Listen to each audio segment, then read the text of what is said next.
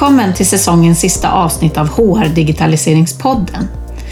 Efter det här avsnittet tänker jag ta lite sommarlov och komma tillbaka i höst, vilket betyder att du i sommar får passa på att lyssna på de avsnitt du ännu inte hunnit med. Men först så har jag besök av Josefin Rosén från SAS Institute. Josefin är AI-expert och jobbar som rådgivare och evangelist inom AI med speciell inriktning på etiska frågeställningar, det vill säga fördomsfri, ansvarsfull och hållbar AI. Vi diskuterar att allt börjar med datat som du föder applikationer med, men även vem som jobbar i ditt team påverkar. Alla bör kunna AI, i alla fall på en grundnivå, för att kunna vara delaktiga i er framtida AI-användning.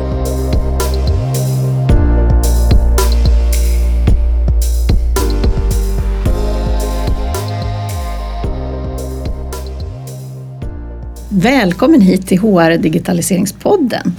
Tack så mycket, kul att vara här. Och kan inte du Josefin berätta lite om vem du är och vad din bakgrund är?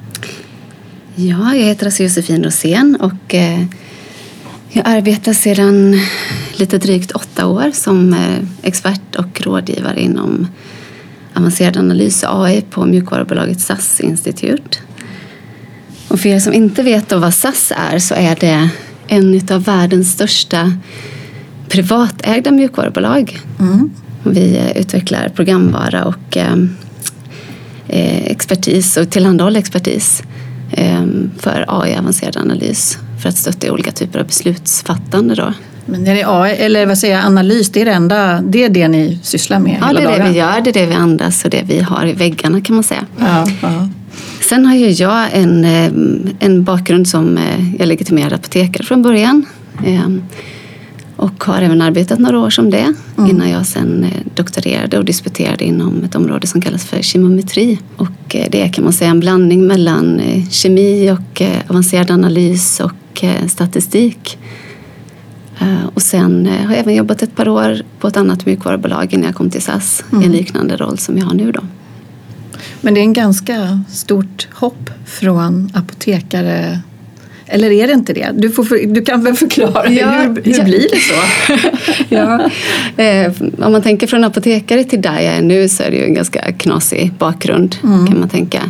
Eh, men sen som sagt då så jag gick ju via kemometri som är ett ganska närliggande område till AI.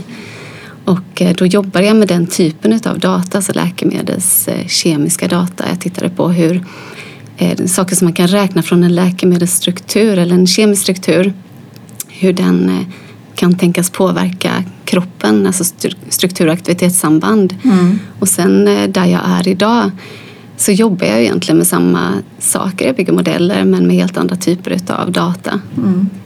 som kan komma från finansiella hållet eller från myndigheter eller också från läkemedelshållet. Då. Så det finns en logisk kedja? Ja, men det finns det ändå. Det finns det ändå, det skulle ja, jag säga. Ja. Men vad gör du i praktiken på ditt, på ditt jobb idag? Ja, eh, jag jobbar då som, som AI-expert, så det är väldigt mycket rådgivande. Mm. Eh, jag hjälper kunderna att eh, skapa värde kan man väl säga gott och, kort och gott från eh, de många gånger väldigt stora datamängder som de har. Mm. Så min roll är coachande och den är utbildande. Den är hands-on när det behövs. Mm. Eh, och den är också till viss del evangeliserande skulle man väl kunna säga. Där jag skriver och pratar ganska mycket om AI, begränsningar och möjligheter i media och i sociala medier och på olika typer av event. Mm. Och där har du några specialområden som vi tänkte prata om idag. Då. Ja, precis. Mm. Precis, där jag pratar ganska mycket om ansvarsfull och hållbar AI. Och hur ser du på AI idag? Eller hur vill du beskriva AI som det är idag? Ja, det finns ju väldigt många olika sätt att beskriva vad AI är om man börjar där.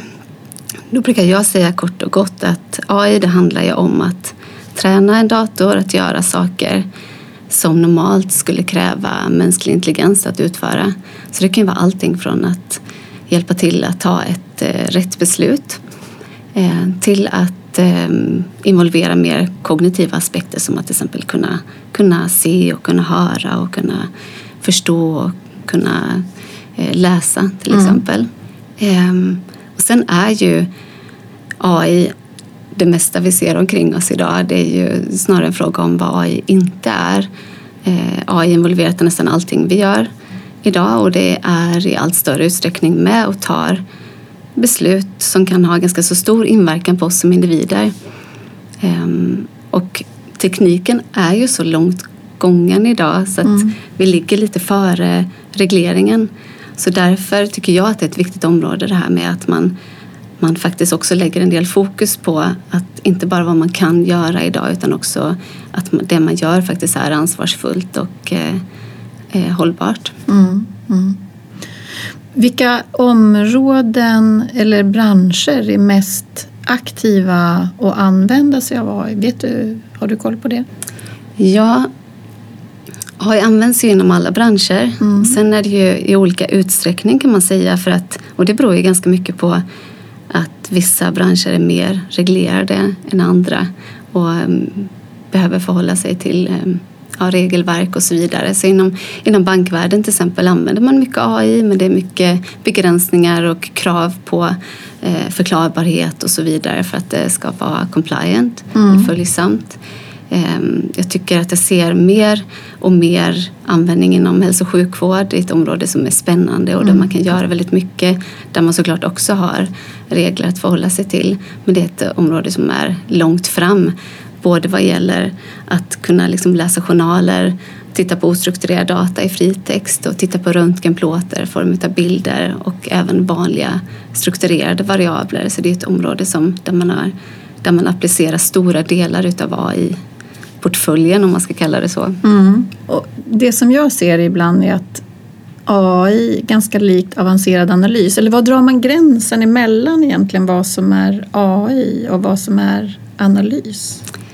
Ja, jag skulle egentligen inte vilja dra en gräns mellan AI och analys utan snarare är det så att de allra flesta AI-applikationer som vi ser idag bygger på avancerad analys där avancerad analys är en viktig del utav AI-applikationen mm. eh, tillsammans då såklart med datat och med en intelligent output på andra sidan och någon typ av återkoppling som gör att den här applikationen kan bli smartare och bättre med tiden.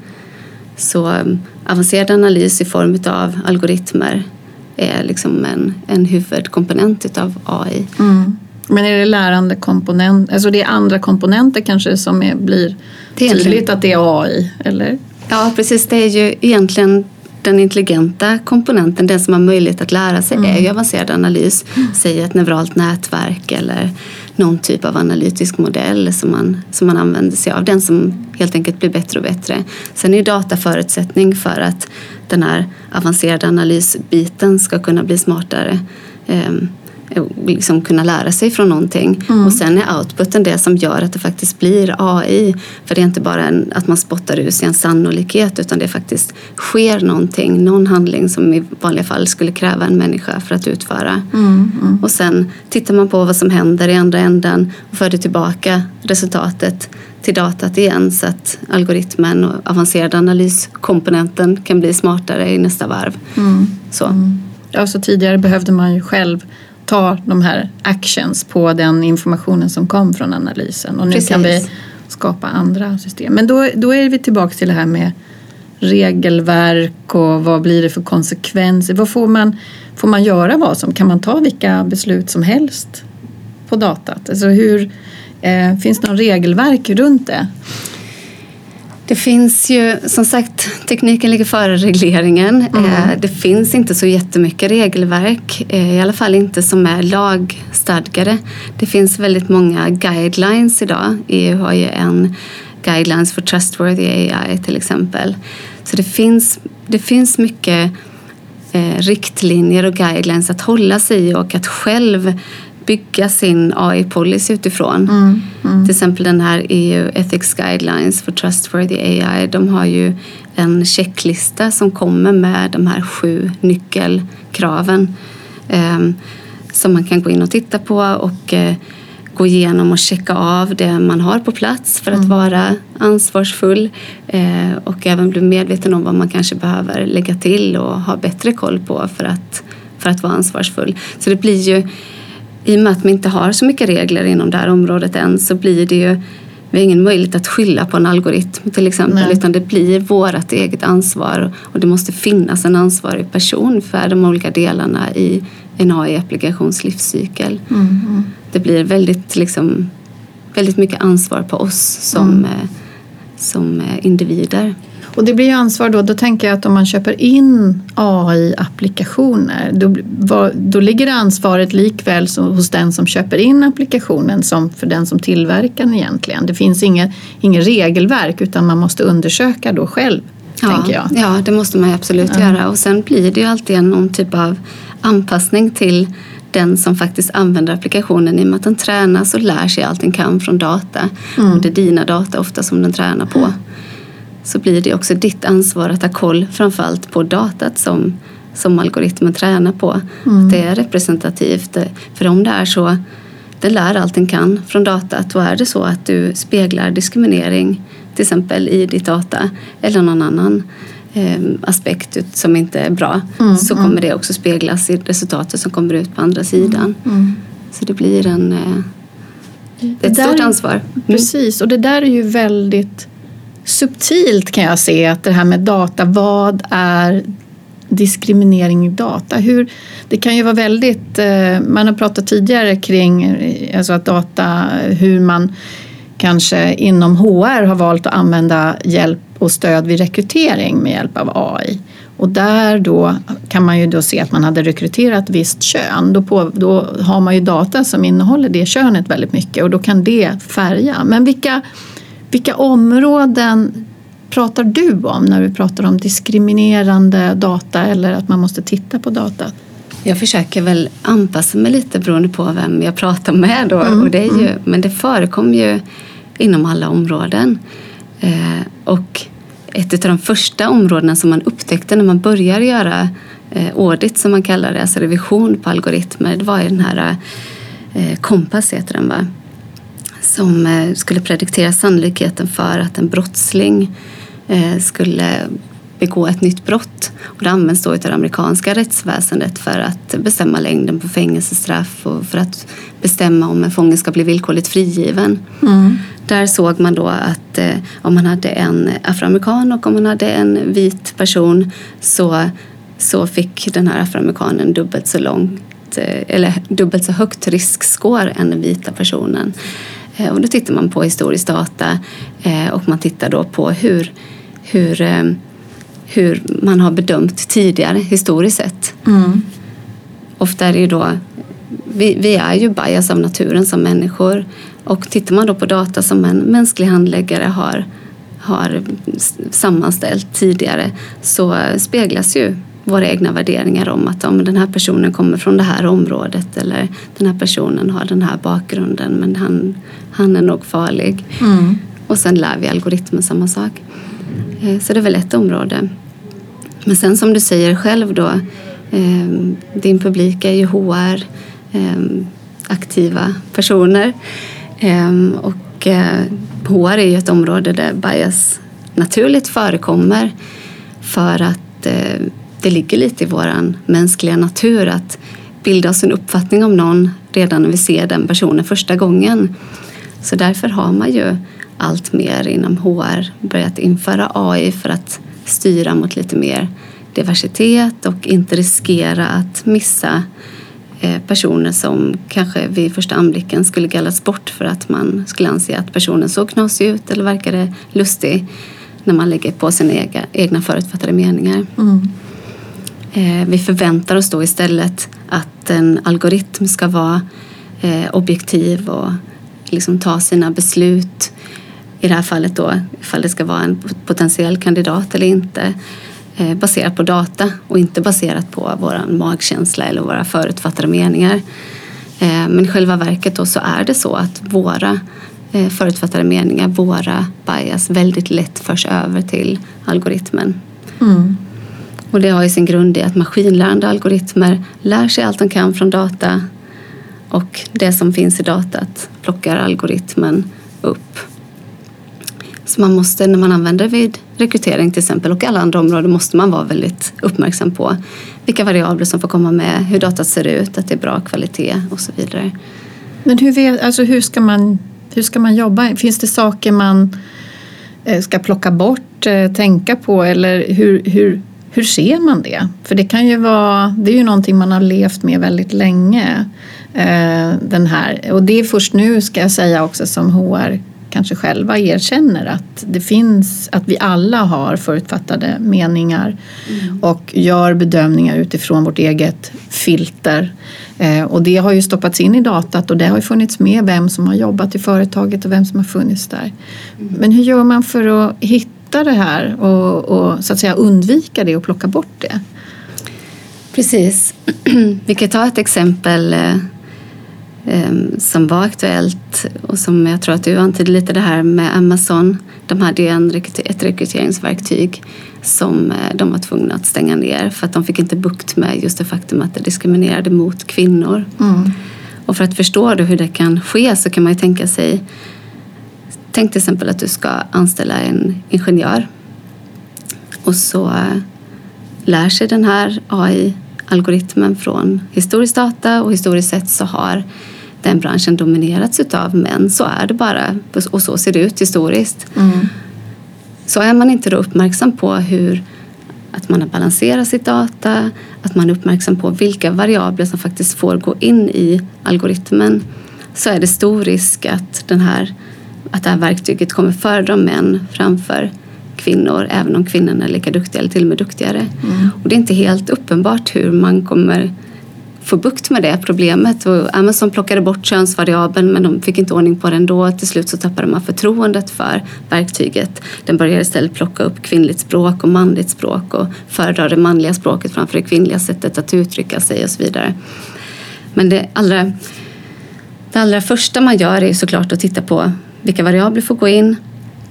Är det variabler som naturligt uppenbart kan vara diskriminerande som till exempel kön eller eh, postnummerområde så försöker man plocka bort det.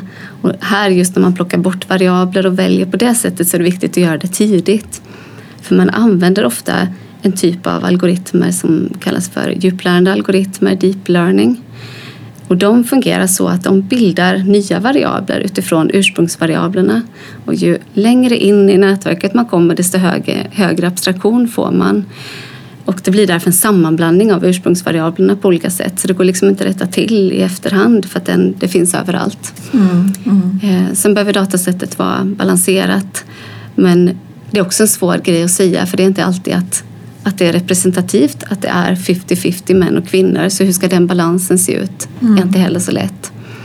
Eh, men en annan sak man kan göra och som också är viktig det är att eftersom våra bias överförs till algoritmen så behöver man också se till att de som faktiskt jobbar med att utveckla algoritmerna och eh, systemen representerar någon typ av mångfald. Ehm, och då inte bara i form av kön utan även i form av vad man har för erfarenhet och ålder och bakgrund. Och på så sätt så, så ökar man möjligheten att man speglar olika typer av perspektiv i datat. Så du menar att man inte bara, alltså det är inte bara data, utan det är människorna som jobbar med algoritmerna? Och det... har tagit fram datat ja, ja. som kan spegla sina bias. Mm. Och är man dessutom ett, ett mångfaldigt team så är det också större chans att man upptäcker saker som blir knasiga i andra änden. Mm. Mm. Och på tal om att upptäcka knasiga saker så är det också en viktig del att man har verktyg för att kunna förklara den här typen av blackbox-modeller som det ändå är. Mm. Så att man faktiskt kan säga att ja, men det här, vi har tagit fram den här och den här och den här och den här kandidaten för en första intervju. Och det är baserat på om någon frågar efter det, de här kvalifikationerna. Mm. Inte för att han kom från eh, det här fina området och hade den här pappan och eh, var kille i sina bästa år. Så. Ja. Men hur gör man det? Det har jag, alltså tidigare, nu, nu händer det otroligt mycket med AI hela tiden. Mm. Men den här spårbarheten den upplevde jag att man inte klarade av från början. Är det skillnad nu? Ja, det är det absolut. Um, det är ju, det är ju blackbox-modeller som vi jobbar med och det ett djuplärande neuralt nätverk, sådana deep learning-nätverk som jag var inne på, de kan ju definieras av, säg, flera miljoner parametrar mm. i slutändan och det är inget konstigt med det. Och ingen vill ju att man bara ska slänga fram nio miljoner rader med parametrar. Så SAS och väldigt många andra bolag också har lagt, lagt mycket budget på att eh, se till att man både utvecklar och implementerar verktygslådor kan man säga, eller verktyg för att kunna förklara även de här komplexa modellerna för enstaka individer mm. vid enstaka tidpunkter.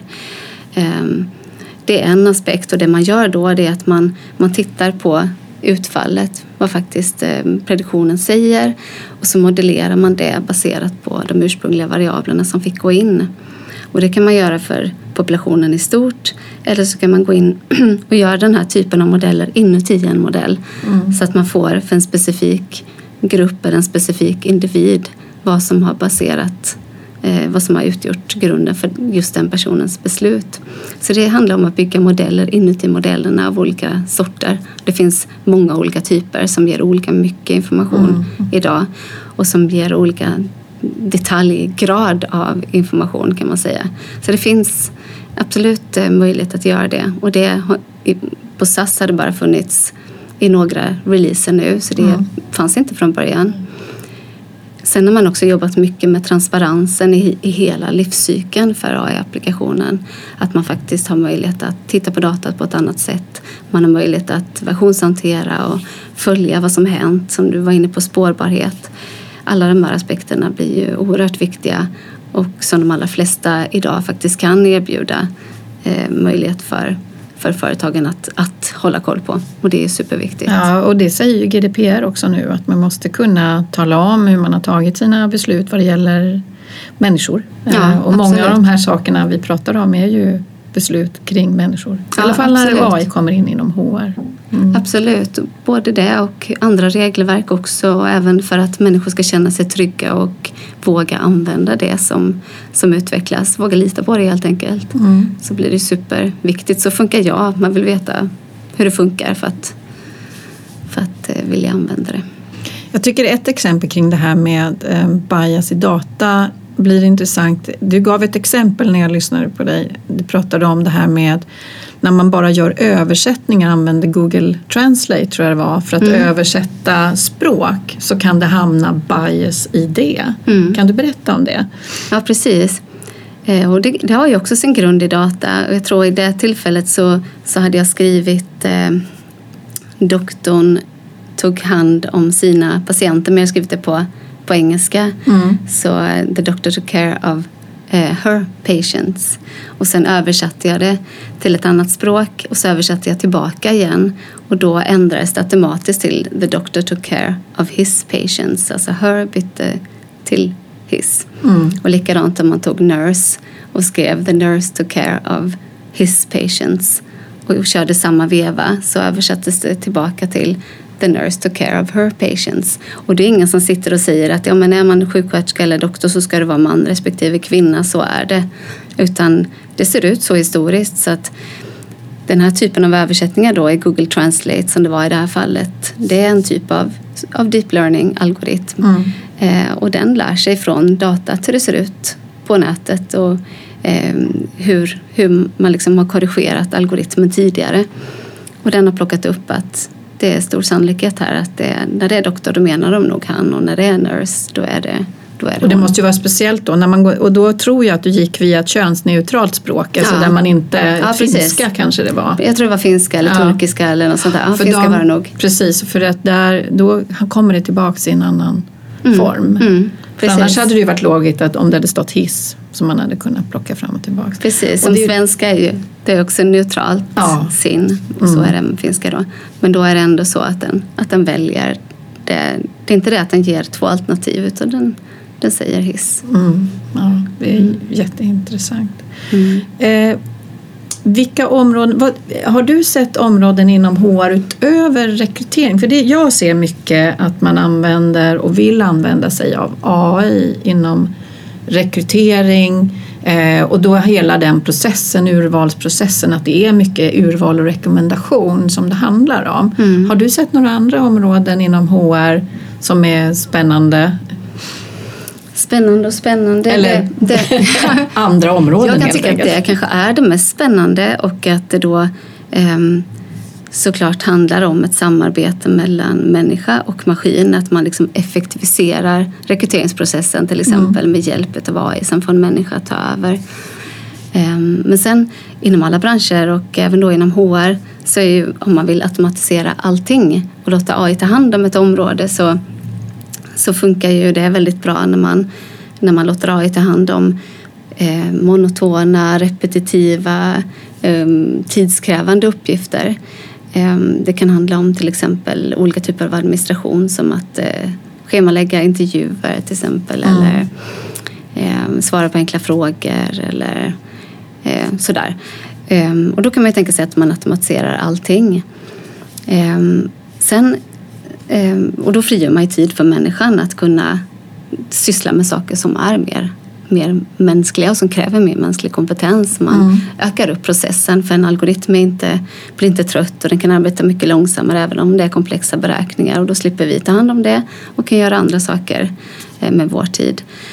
Sen ser man ju ofta att man använder AI i olika typer av avancerad analys men ofta även AI som ger förslag då ehm, för att analysera den arbetskraften som man har. Mm.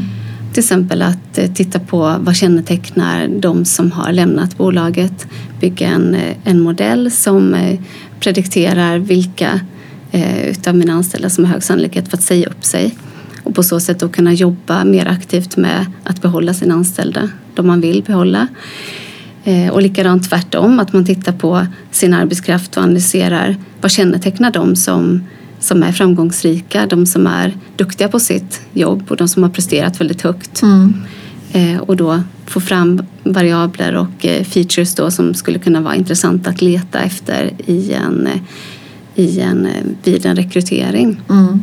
Ehm, här får man då vara försiktig så det inte blir på bekostnad av mångfald för att man bara letar efter sånt som man redan har. Mm. Mm. Eh, Men sen blir ändå det mest intressanta kan jag tycka när man kan gå in och använda den grenen utav AI som vi kallar för textanalys, eh, NLP, eh, Natural Language Processing. Gå in och titta på, faktiskt på text, samla ihop olika datakällor, kanske titta på LinkedIn-profiler och CV och saker som man har skrivit och försöka matcha personer med, med CV eller matcha personer med, med bra roller Mm.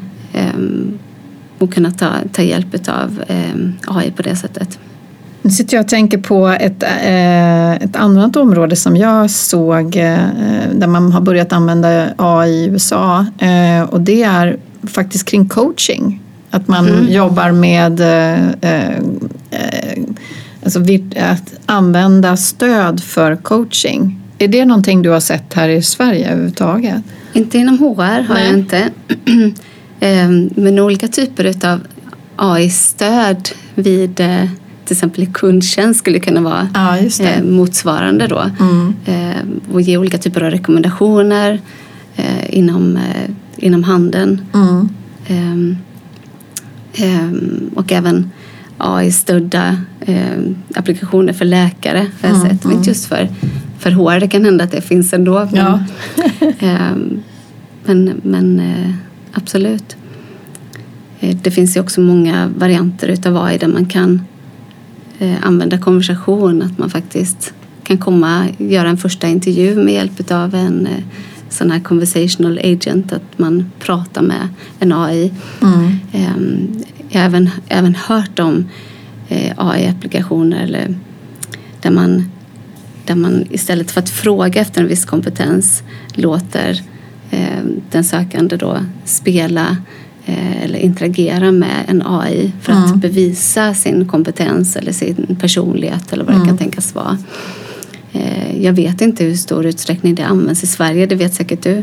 Men det är absolut en intressant möjlighet tycker jag, där det inte bara är handla om att säga det här och det här kan jag, här har du ett bevis på det, utan Mm. att man faktiskt får Man får testas Man får på testas det. på ja, det på Nej, det har jag sätt. inte sett. Inte här. Och jag tänker lite grann att det också har med, med att vårt språk inte är så stort i världen. Mm. Att eh, mycket av det, många av de nya, eller nya områden som kommer, de kommer ju på engelska först och sen på de stora språken. Hur ser du på språket, svenskan, i det här? Mm, det är ju svårt, ehm, för svenska är ett litet språk. Mm. Där är ju faktiskt SAS, där jag kommer ifrån, eh, har man jobbat mycket just med, med språkstöd eh, för olika språk, där man har språkstöd för 33 olika språk. Eh, man ser att när det gäller eh, conversation och, text så är den bästa approachen att jobba med en så kallad hybrid approach eh, där man om man kan stötta det naturliga språket, det vill säga förstå grammatiken och förstå kontexten och förstå eh, olika namn på organisationer och namn som är specifika för ett visst språk. Och kunna liksom med, med lingvistiska regler föra in vad som är intressant att plocka ut ur ett sammanhang och även konversera i ett sammanhang och kombinera det med att datat får visa vägen med hjälp av maskinlärande algoritmer mm. och plocka ut mönster och, och lära sig utav datat så får man en väldigt stark applikation. Ehm, där är ju, ligger ju alltid, där ligger alltid engelska först. Mm. Det är alltid det språket som kommer, som kommer först. Ehm, men faktiskt hos SAS så har Eh, en av de första språken varit norska. Jaha. Eh, som har kommit i våra conversational, alltså röststyrningsapplikationer. Just för att här fanns det en kund som hade väldigt mycket data och som var intresserad av att vara utvecklingspartner i det här fallet. Mm. Så ehm, det handlar mycket om, eh, det är ganska behovsdrivet vilket språk som utvecklas och en förutsättning är att det finns i det här fallet ljudfiler eller i andra fall textmassor att mm. träna de här algoritmerna på. Mm. För det som jag ser ofta, eller ofta, det som jag har sett när AI används just i conversational och inom HR så är det ju mycket kring det här med rekrytering och, och eh, även kring handböcker som du tog upp. Det här med att kunna ställa frågor och få svar från sådana här repetitiva svar och liknande. Mm. Eh, men mycket är det de bolag som har eh, koncernspråk engelska. Mm. Att det är mm. där man har börjat och även då om man ska ställa, jag skulle i och för sig, om jag skulle söka ett jobb och det internationella språket engelska om de har någon form av chatbot som jag kan använda då, då blir det ju engelska, då får man ju liksom ta det. Men mm. man når ju inte den stora massan Nej, än. Så, så riktigt. Så det är vissa saker som är väldigt eh, tydliga att man kan göra saker. Mm. Där, eh, och sen får man avvakta lite. Och, men är man beredd att investera så finns det ju saker att göra då. Absolut, det finns möjligheter ja, att ja. utveckla.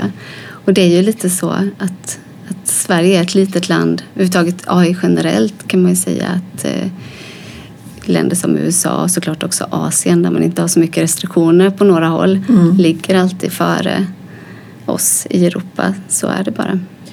Nej, för ja, det är två, tre år sedan så träffade jag på ett företag som ett, eh, det är israeliskt tror jag från början minns inte rätt, som jobbar med eh, att skriva annonser, alltså skriva rekryteringsannonser och hjälpa till i hur du beskriver så att det blir attraktivt apropå att använda språk som då negativt kan diskriminera. Att mm. plocka upp språk i när man söker kan man likväl använda det för att skapa jobbannonser eller reklamannonser eller liknande. Mm. Men här har det nu kommit eh, någon spelare i Sverige också som har påbörjat i alla fall vissa delar av det här. Mm. Så jag tycker är spännande. Mm. Så man kan skriva sitt eget eh, eget eh, ansökningsbrev till exempel och få hjälp då av en AI för att liksom skriva ihop det här. Mm. För vi, vi attraheras och använder olika språk och då vill man ju också när vi som individer läser en jobbannons kunna kunna attrahera nya kandidater och inte bara hamna på de här mm. gamla. Så det är sådär spännande område. Men det Absolut. kräver ju ganska mycket av språket.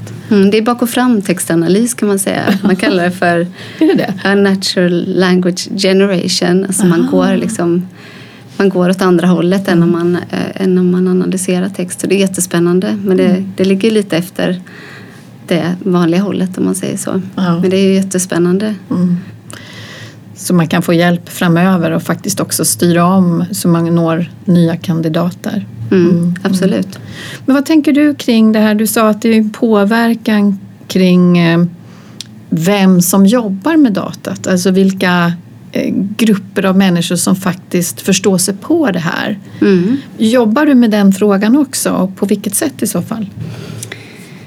Alltså, menar du vem som ska jobba med själva utvecklingen utav, Ja. av applikationen? Mm. Ja, alltså jag, ja, vi jobbar ju mycket med, att, med roller och vem som ska vara med. Och, ehm, SAS jobbar ju mycket med att pro- programvaran ska vara tillgänglig för många just för Mm. att det är viktigt att de som är mer kanske introverta kodare, nu säger jag inte att alla kodare är introverta men man kanske är mer inne på att sitta och hacka kod.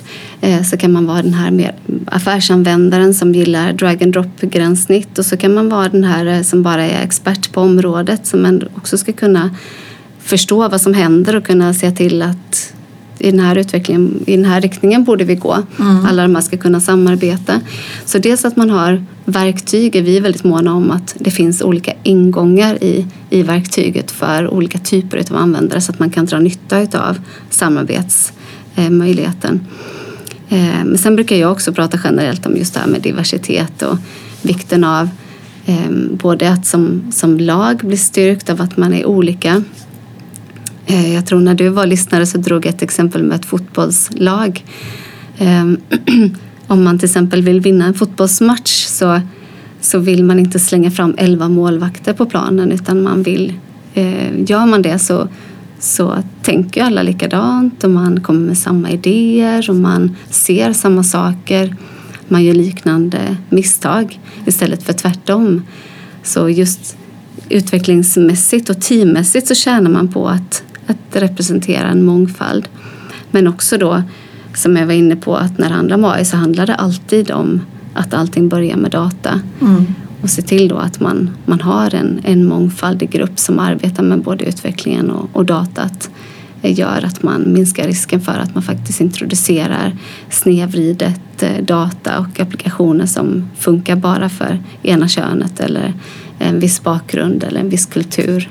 Här behöver man ha diversitet inte bara vad gäller kön utan bakgrund och kultur och ålder och eh, skills och så vidare. Ehm, så det är väl så som jag jobbar med det är mer att se till att, se till att man förstår att det ligger en styrka i att vara, att vara olika och det är en förutsättning för ett lyckat resultat. Så egentligen så, så tänker jag då att många borde involvera fler och lära sig AI, inte vara rädd för AI. För det som, som eh, vi har pratat om idag, det handlar ju om nu att AI har blivit mer, alltså blir mer tillgängligt och öppet om man då kan visa hur saker tas beslut. Men det är viktigt att involvera många. Då skulle, skulle vi alla ha nytta av att det är många fler som lär sig. Mm, Om absolut. AI. absolut. Mm. Det finns ju så mycket möjligheter idag att lära sig på nätet. Mm. Det finns gratis utbildningar och bra sådana.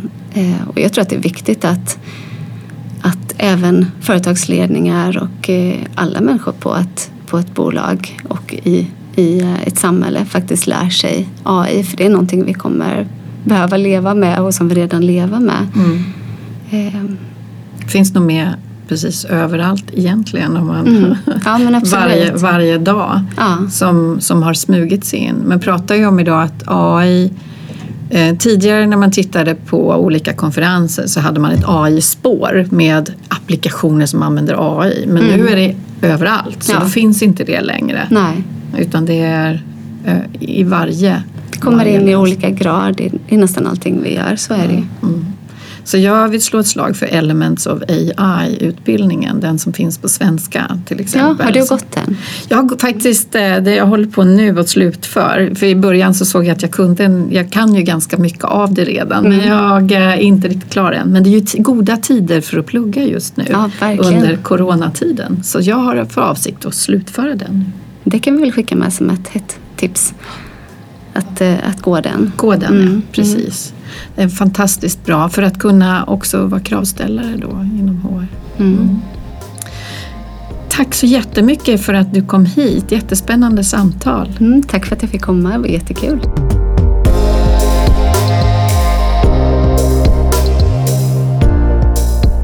Vad kul att du ville lyssna på det här avsnittet av HR Digitaliseringspodden. Jag som driver podden heter Anna Karlsson och till vardags så jobbar jag som projektledare, konsult och inspiratör på området HR-digitalisering. Hör gärna av dig till mig genom att hitta mig på LinkedIn eller mejla på anna.hrdigitaliseringspodden.se. Då kan du ge tips och feedback på innehållet eller så vill du ha min hjälp att till exempel digitalisera din verksamhet lite snabbare och kanske lite smartare. Vi hörs!